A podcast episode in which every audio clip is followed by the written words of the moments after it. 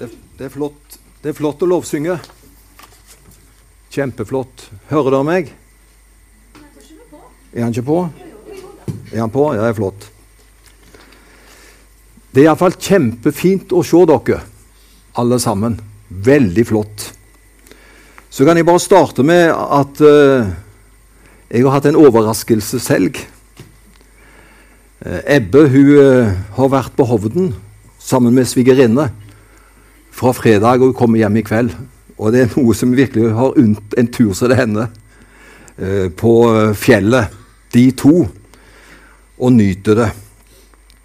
Og jeg tenkte at jeg skulle være hjemme i helga og kose meg og iallfall se et par fotballkamper i går. Uten å si hvilket lag jeg ville se, men jeg skulle sett et par lag på TV. Og hadde tenkt på at jeg skulle være rolig i helga her hjemme. Og klokka ni på fredag morgen så ringer Geir Johansen. Vi kjenner jo han. Og så sier han det er Sten, sa han. Jeg er blitt sjuk, sa han. Spysjuka. Og jeg er blitt satt opp som leirsjef, sa han. Nei, leirprest. På uh, Ognatun leirsted. Fredheim Arena. Har tur der i helga. 160 påmeldte med stort og smått. Og jeg skal tale fredagskveld. To på lørdag. Og dette sier han på fredag formiddag. Og jeg sier jo selvfølgelig Jeg kommer selvfølgelig. Jeg har et svært lager, kjære venner. Ti timer etterpå så var jeg på plass på Ognatun og hatt ei veldig flott helg sammen med Fredtun Arena. Og det er jo en kjempeflott forsamling. Så det har vært en opptur. Og så kjenner jeg det at det er veldig godt å være her i dag også. Vi kan flyte på ei bølge. ikke sant? Da har vi Den hellige ånd ikke sant, som virker mellom oss og fra det ene stedet til det andre. Og Derfor er det så fint at vi kan få flyte i Den hellige ånd og være forventningsfull til Jesus og hva han vil gjøre. Så jeg er veldig glad for at uh, jeg får tale her i formiddag. Og så er jeg, uh, Det har noe som har skjedd med årene. Jeg begynner tidlig å forberede meg. Så Jeg var jo ferdig med denne talen her på tirsdag, så det gjorde ikke noe om jeg fikk noe på fredag. For alt var i boks. Så Derfor er jeg virkelig forberedt og skal dele noe med dere. Men før jeg gjør det, så skal jeg gjøre det samme som jeg åpna med i går på, Ognatun. Det er veldig lenge siden jeg har dratt en historie og to. Eh, for det blir eh, veldig seriøst etter hvert, altså. Men da skal jeg ta eh, to-tre historier for denne boka som jeg og min venn skrev i disse koronatider. Noe måtte vi jo gjøre. Så vi skrev jo bl.a. et par humorbøker. Og nå skal du høre. Søndagsskolelæreren spurte barna hvorfor tror dere at Jesus lærte oss å be. Gi oss i dag vårt daglige brød. Lille Knut svarte ettertenksomt. Det var kanskje fordi han ville at vi skulle ha ferskbrød hver dag. Og Så var det en gutt vet du, som var med bestemor på gudstjenester. Og Han skjønte ikke alt det, men hver søndag så gikk det en kollektbørse mellom radene. Og Før det så ble det snakket om penger. ikke sant? Og Den lille gutten pleide alltid å bli med bestemor i kirke en søndag da kollekt Kurven ble sendt rundt i benkeraden, spurte han undrende. Hvorfor er han der Jesus alltid så blakk?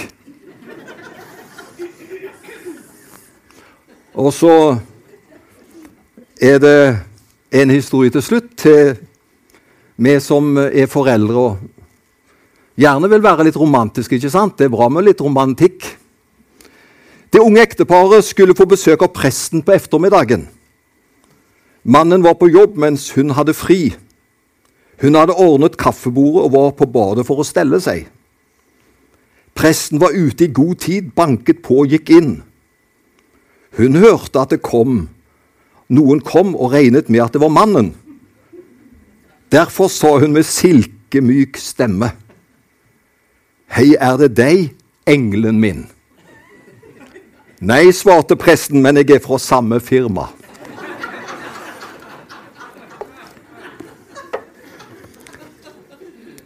Da skal vi gå over til dagens tale. Og vi har fått lest dagens tekst. Det er en dramatisk tekst. Og jeg kan jo bare si det slik at det er bare Markus som har den teksten med seg. Kanskje Lukas Hadde ikke han litt legebakgrunn, han? Og Matteus syns at det, den er litt halvvulgær, denne teksten. denne beretningen. Så de, de skrev ikke om han. Det er kun Markus som har denne teksten, som er veldig spesiell. Fra Markus 7, 31 37. Men Markus har den. Og Markus har en parallelltekst også, som bare er i Markus. Eller så alt det som står i Markus, det står enten i Matteus eller i Lukas. Men her er det altså to beretninger, bl.a. den jeg skal si litt om i dag, som bare er i Markus' evangelium. Men før jeg går inn på den, så vil jeg bare slå fast at Jesus han helbredet mange syke i løpet av de ca. tre årene han sto offentlig fram i Israel. Ofte la han hendene på de syke, eller bare talte noen frigjørende ord til den som hadde skrøp, kroppslige skrøpeligheter. Og hver gang når Jesus talte disse forløsende ord eller la sine hender på de syke, hver gang så forsvant sykdommen. Og det var på en måte gjort på en veldig kultivert måte. ikke sant? Han bare la sine hender på dem og ba for dem, eller at han kunne bare si det. Det var jo ikke noe anstøt i det. Og særlig når resultatene ble slik som de ble, så var jo dette mesterlig. Han grep inn i menneskers situasjon og gjorde situasjonen ny og annerledes. Men vi leser også om underlige helbredelsesmetoder. Og i teksten i dag så går vi ikke til Afrika. Eller til Amerika. Men vi går til Jesus sjøl. Og En gang puttet han faktisk alt fingre i en døv sine ører og tok spytt på sine fingre og rørte ved den stumme sin tunge. Det er jo veldig spesielt, er det ikke det? I vår tid gjør Gud også undre ved å åpne hjerter til mennesker. Og mange opplever det største av alle undrer å få et livsforvandlende møte med Jesus. Og mange av de som får oppleve det, de bor jo i land hvor det er forbudt å tro på Jesus. Og Da må vi virkelig si det er et guddommelig under. At de virkelig tar imot troen når de vet på forhånd hvilke konsekvenser det får. Det får fengsel, atskillelse fra familien og barna osv. Men allikevel så skjer det noe i deres hjerter. De kan ikke la være. De må bare ta imot frelsens budskap. Det er et under, det. Det er det største av alle undrer. Og Jeg vil bare si det så at du ikke skal misforstå meg. Det største av alt det er at Herren gjør noe med vår sjel, med vårt hjerte. Og så får kroppen komme i andre rekke. Er vi enige om det? Det viktigste er jo det som har med her inne å gjøre. Et livsforvandlende møte med Gud. Det er stort når man særlig bor i et land hvor omvendelse til den kristne tro ikke er lovlig. Og som er så heldig, så kan vi ta imot Jesus på Kvadraten, som du så fint hørte, eller andre steder. Han tar imot oss. Og så har vi lettere forhold å ta imot tro på. Og Derfor vil jeg bare si det at Jesus han kan, og han vil helbrede. Og Bibelteksten er en av de mange fortellinger hos Markus som handler om helbredelse, og noen handler også om demonutdrivelser. Og Den historien som vi har lest i dag, det har jeg allerede sagt, den finnes kun i Markus. Og så finnes det en tilsvarende historie i Markus 8, 22-26, som bare er som sagt nevnt i Markus.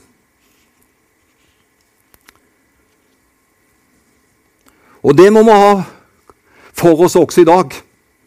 At Jesus kan helbrede like mye i dag som han gjorde da. Og Da har vi allerede fått hørt litt fra Ingrid, som sa det så fint. Jesus kan helbrede også i dag. Det er et bibelsk budskap som vi må holde oppe. Og det er mange også i vår tid som opplever at Jesus griper inn. Og Det vil jeg bare si til oss, at vi kan komme til ham med alvorlige tilfeller. Vi kan komme til ham med små sykdommer. Ikke sant? Eh, det er ingen gradering fra Guds side. Vi kan komme med det som ligger på vårt hjerte, og det vi ønsker å legge foran hans føtter. Og så vet han om det, om det er smått eller stort, og så har han all makt. Og det er ingen problem som er for lite for han, så at han skal bry seg. Heller ingenting som er for stort at vi ikke kan gå til Herren med det. Og her ser du bildet Jesus i aksjon, og møte denne som står i teksten vår. Så har jeg bare lyst til å si, for å, for å, Jeg ønsker å være en sånn en balansert forkynner. Og Jeg ønsker å møte deg også om fem år. Om ti år, ikke sant? Så Derfor skal du få en balansert fremstilling. Men det skal aldri være tvil om Jesus både kan og vil helbrede. Og det ønsker jeg å løfte opp. Men bibelteksten i dag som vi leste, og som du kan lese mer og se detaljene i, der står det at uh, plutselig så fører folket den døvstumme personen til Jesus. Det står ikke hvem som fører han til Jesus. Om det er noen av slektningene Det står heller ikke at det var disiplene som gjorde det. Men plutselig, bare i den folkemengden, så, så, så bringer de denne døvstumme mannen til Jesus. Og så ber de Jesus legg hånden på ham, vers 32. Det er det de ber han om. Hvem det er, det er uinteressant. Men noen gjør det iallfall. Tar den syke til Jesus, og så bare de ber de han. Legg hånden på ham. Vanligvis helbreder Jesus en syk mens folket rundt ser på. Det er det vanlige, ikke sant? Midt i folkemengden skulle han helbrede de syke. Og de så det jo.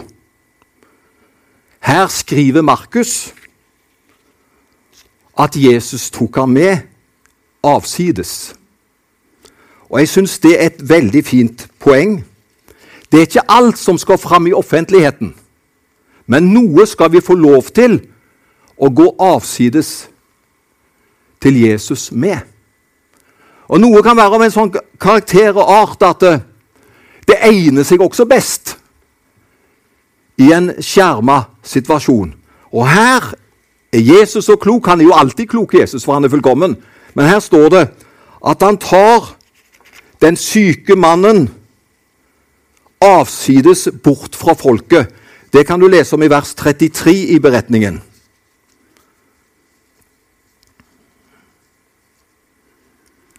Kanskje hadde det vært spennende for folket å overvære en spektakulær helbredelse. Men det skal vi understreke, og hør hva jeg sier. Jesus helbreder verken for underholdningens skyld eller for å skaffe seg god PR. Det har jeg bare lyst til å si. Jesus hadde ikke behov for å underholde folket med ekstraordinære ting, så de skulle liksom pirre dem eller at folk skulle bruke dem i PR. Kom til oss, der skjer det slike ting. Vi har litt slike vitnesbyrd i dag noen ganger. Kom og hør den helbredelsespredikanten. Og så er det helbredelsespredikanten som kommer i fokus. Og så er det til mer Spesielt det. Til mer spennende kan det være. Jesus hadde ikke behov for å spille et så lavt spill.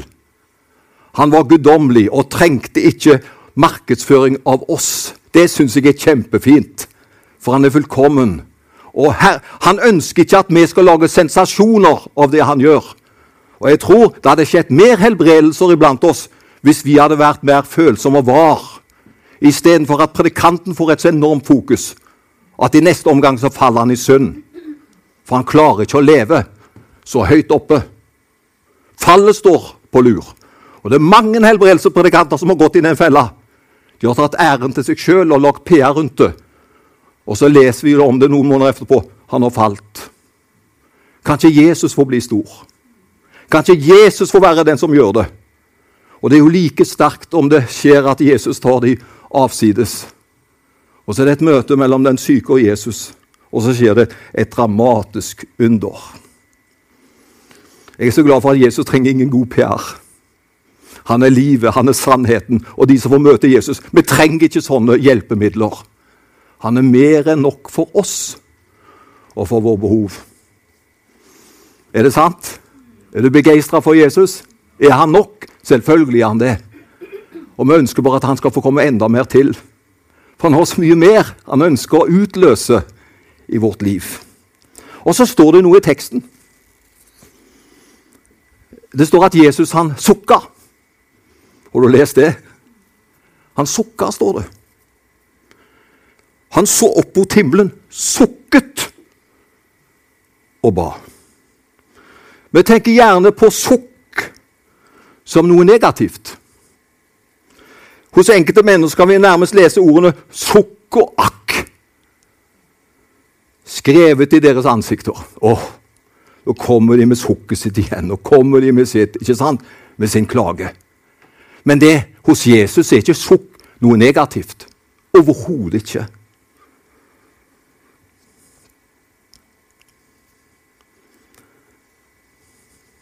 Men når Jesus sukker, så skyldes det ikke at han oppgitt verken av den syke eller oppgitt av folkemengden. Kjære venner her i dag. Det finnes noen gode sukk i Bibelen. Du har lest om de, særlig når jeg skal nevne de for deg, så, så vil du si ja, men det har jeg lest. Det finnes noen gode sukk i Bibelen. For Jesus var det å sukke et uttrykk for bønn og en lengsel etter en gjenopprettelse hos den som hadde det vanskelig. I Bibelen leser vi at flere enn Jesus sukker. Det var et sånt sukk, det var, sånt, det var liksom et sånt hjerterop. Det var en nød ifra Jesu hjerte. Han sukka. Det var nesten som å si 'Kjære Gud'. Du ser den har det så vondt, kan ikke du hjelpe han? Skjønner du? Det var et sånt sukk, altså. Ikke et oppgitt, men en sånn delaktighet. Involvering. Å, det greip så Jesu hjerte, det som skjedde med den personen, at han kunne ikke noe annet enn i sin nød og med lidenhet. Så sukka han, ser du. Det er et positivt, kraftfullt sukk, egentlig, uttrykk. Det var det Jesus hadde. Og det står faktisk talt i, i Roman 8 at det er flere enn Jesus som sukker. Det står faktisk at hele skapningen sukker. Det er noe som ligger hos oss. Og jeg er sikker på, når du tenker på den tiden vi lever i Med krig i Ukraina, med hungersnød i Afrika All den lidelsen som skjer. Og så er det noen få mennesker som kan sitte på den grønne grein her oppe. Og vi har det tross alt godt uansett. Men når man ser på det globale, så må jeg si at Sukker ikke du da? Eller er du fornøyd for at du har det så godt? Er selvfølgelig vi sukker. Vi sukker for vi syns det er så trist.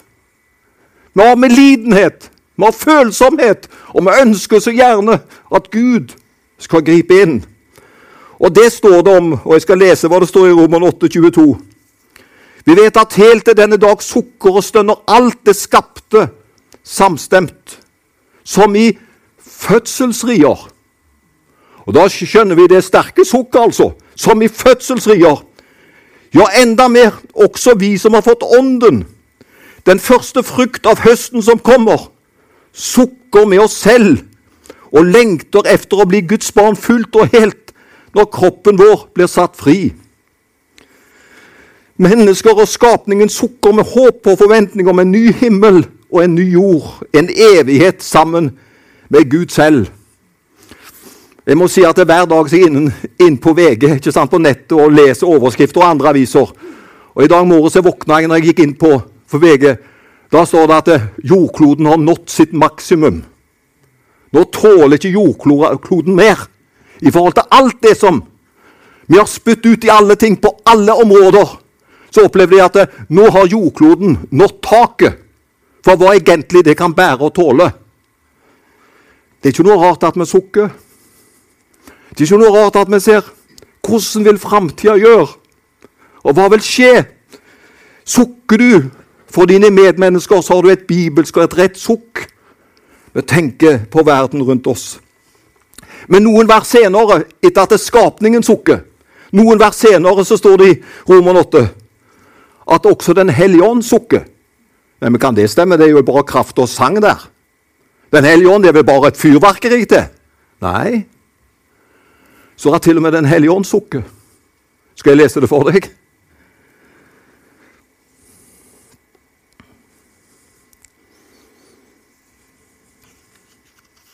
På samme måte kommer også Ånden oss til hjelp i vår skrøpelighet. For vi vet ikke hva vi skal be om slik vi burde. Men Ånden selv går i forbønn for oss med sukk som ikke kan rommes i ord. Romerne 8, 26. Så faktisk alt. Noen ganger så kommer selv Den hellige ånd til kort på den måten at Den hellige ånd vet ikke hva er rett å be nå.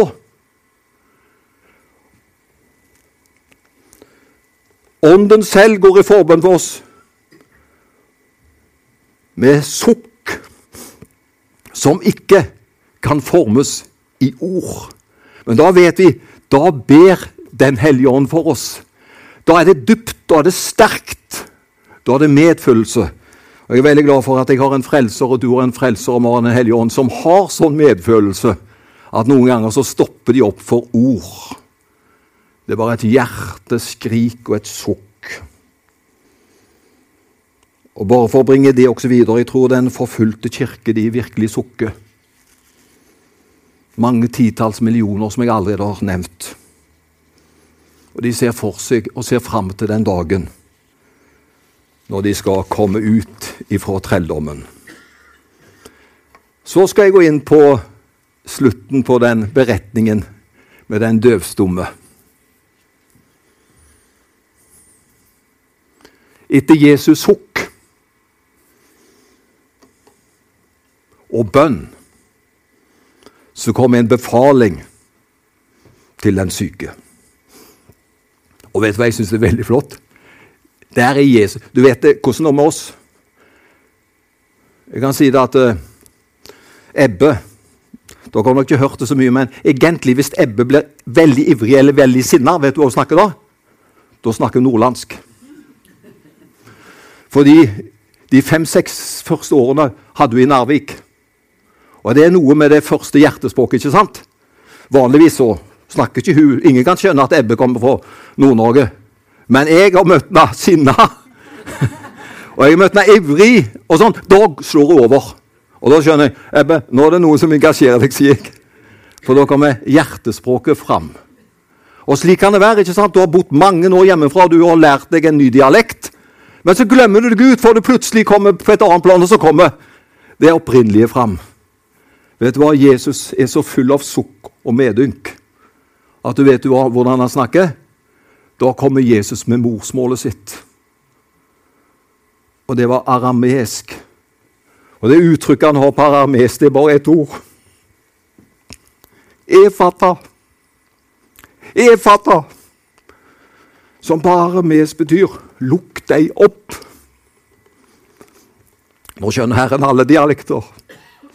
Men jeg synes det er fint. Jesus han var, han var, han var så nedpå følelser og medmenneskelig at det, dialekten hans kom fram når han ropte til Gud. Efata, som betyr 'lukk deg opp'. Og så blir denne syke momentant helbreda. Og så tok Jesus han med seg til folket. Og så sier Jesus noe til folket som var umulig å holde. Og det er jo slik vet du, at noen ganger så ja, får vi beskjed om noe som det er så vanskelig å holde. For vet du hva Jesus sier etter at dette skjer? Ikke si det til noen. Det er klart de kunne ikke la være. Men Jesus ville ikke ha publisitet. Kanskje var redd for at det ble det for mye oppmerksomhet, så ødela det for den gjerningen han skulle fullføre, og som han skulle ende på korset. For det måtte være rett timing. Og Derfor sier Jesus noen ganger hold Hold dette for dere sjøl. Og det gjør han her. Ikke si det til noen. Men jeg forstår at de ikke klarte å holde på det. For De kunne ikke holde på det. Og de var bare slått av forundring. Folket var overmåte forundret og sa han har gjort alle ting vel. Han gjør det så at både de døve hører, og de stumme taler. De som hadde opplevd dette underet, kunne ikke forbli uberørt av hva de hadde sett og hørt. Må Gud hjelpe oss at vi, vi blir berørt Ikke av personer, ikke av sensasjoner, men at vi kan bli berørt av Jesus. At han kan få den plassen som han trenger. Og De ordene Jesus talte, var fulle av Guds kraft, som klarte å åpne en stum munn og to døve ører. Jeg syns det er bra jeg at Markus tok med denne beretningen. Den er litt halvvulgær. Eh, den trenger ikke stå i VG eller Dagbladet, men den kan godt stå i Bibelen. Den kan den godt stå, for det forteller hvem Jesus er. Og for han er ingenting mulig. Vi snakket om det rett før, når Ingrid fikk vite hva jeg skulle tale om i dag. Eh, så, så, så snakket vi litt om det i forkant. Og jeg har en liten tanke hvorfor Jesus gjorde det så enkelt. For det området som han vandra gjennom her, det var ikke i en by vet du, hvor man var, ikke sant? Eh, hvor man hadde møblerte hjem. Det var ikke i sånne sammenhenger Jesus var her, men det var jo i et hedningområde hvor det var veldig primitivt. Det var et sånt område som Jesus gjennom, og da, da er Jesus, Jesus, Jesus er en fullkommen pedagog. Han tenkte de får få det på den måten som de kan forstå. Her er det primitive områder. Det var hedningen i Galilea, et av disse stedene du kan lese om. Eh, det var ikke så mye sivilisasjon der. Og Jesus bøyer seg ned. Og Så kritiserer han ingen, men han åpenbarer seg, som gjorde at det gikk inn i det miljøet og i den situasjonen. Og Jeg vil bare si en ting til slutt, at eh, Jesus vil aldri gjøre noe hos deg og for deg som er støtende for deg.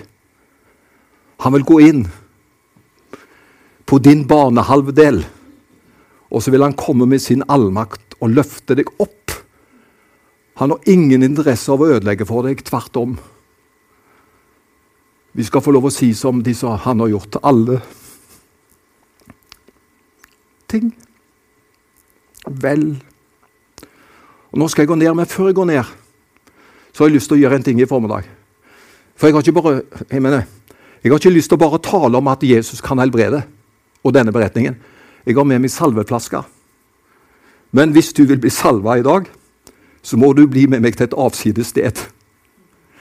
Bak der det var det Jesus gjorde. Han tok den syke med seg avsides. Så skal jeg sitte der. Så har jeg med meg en salveflaske. Og hvis du ønsker å bli salva bedt for, så blir det ingen sensasjon. Det blir ingen PR. Men det blir et møte med deg og Jesus. Han som har all makt. Amen.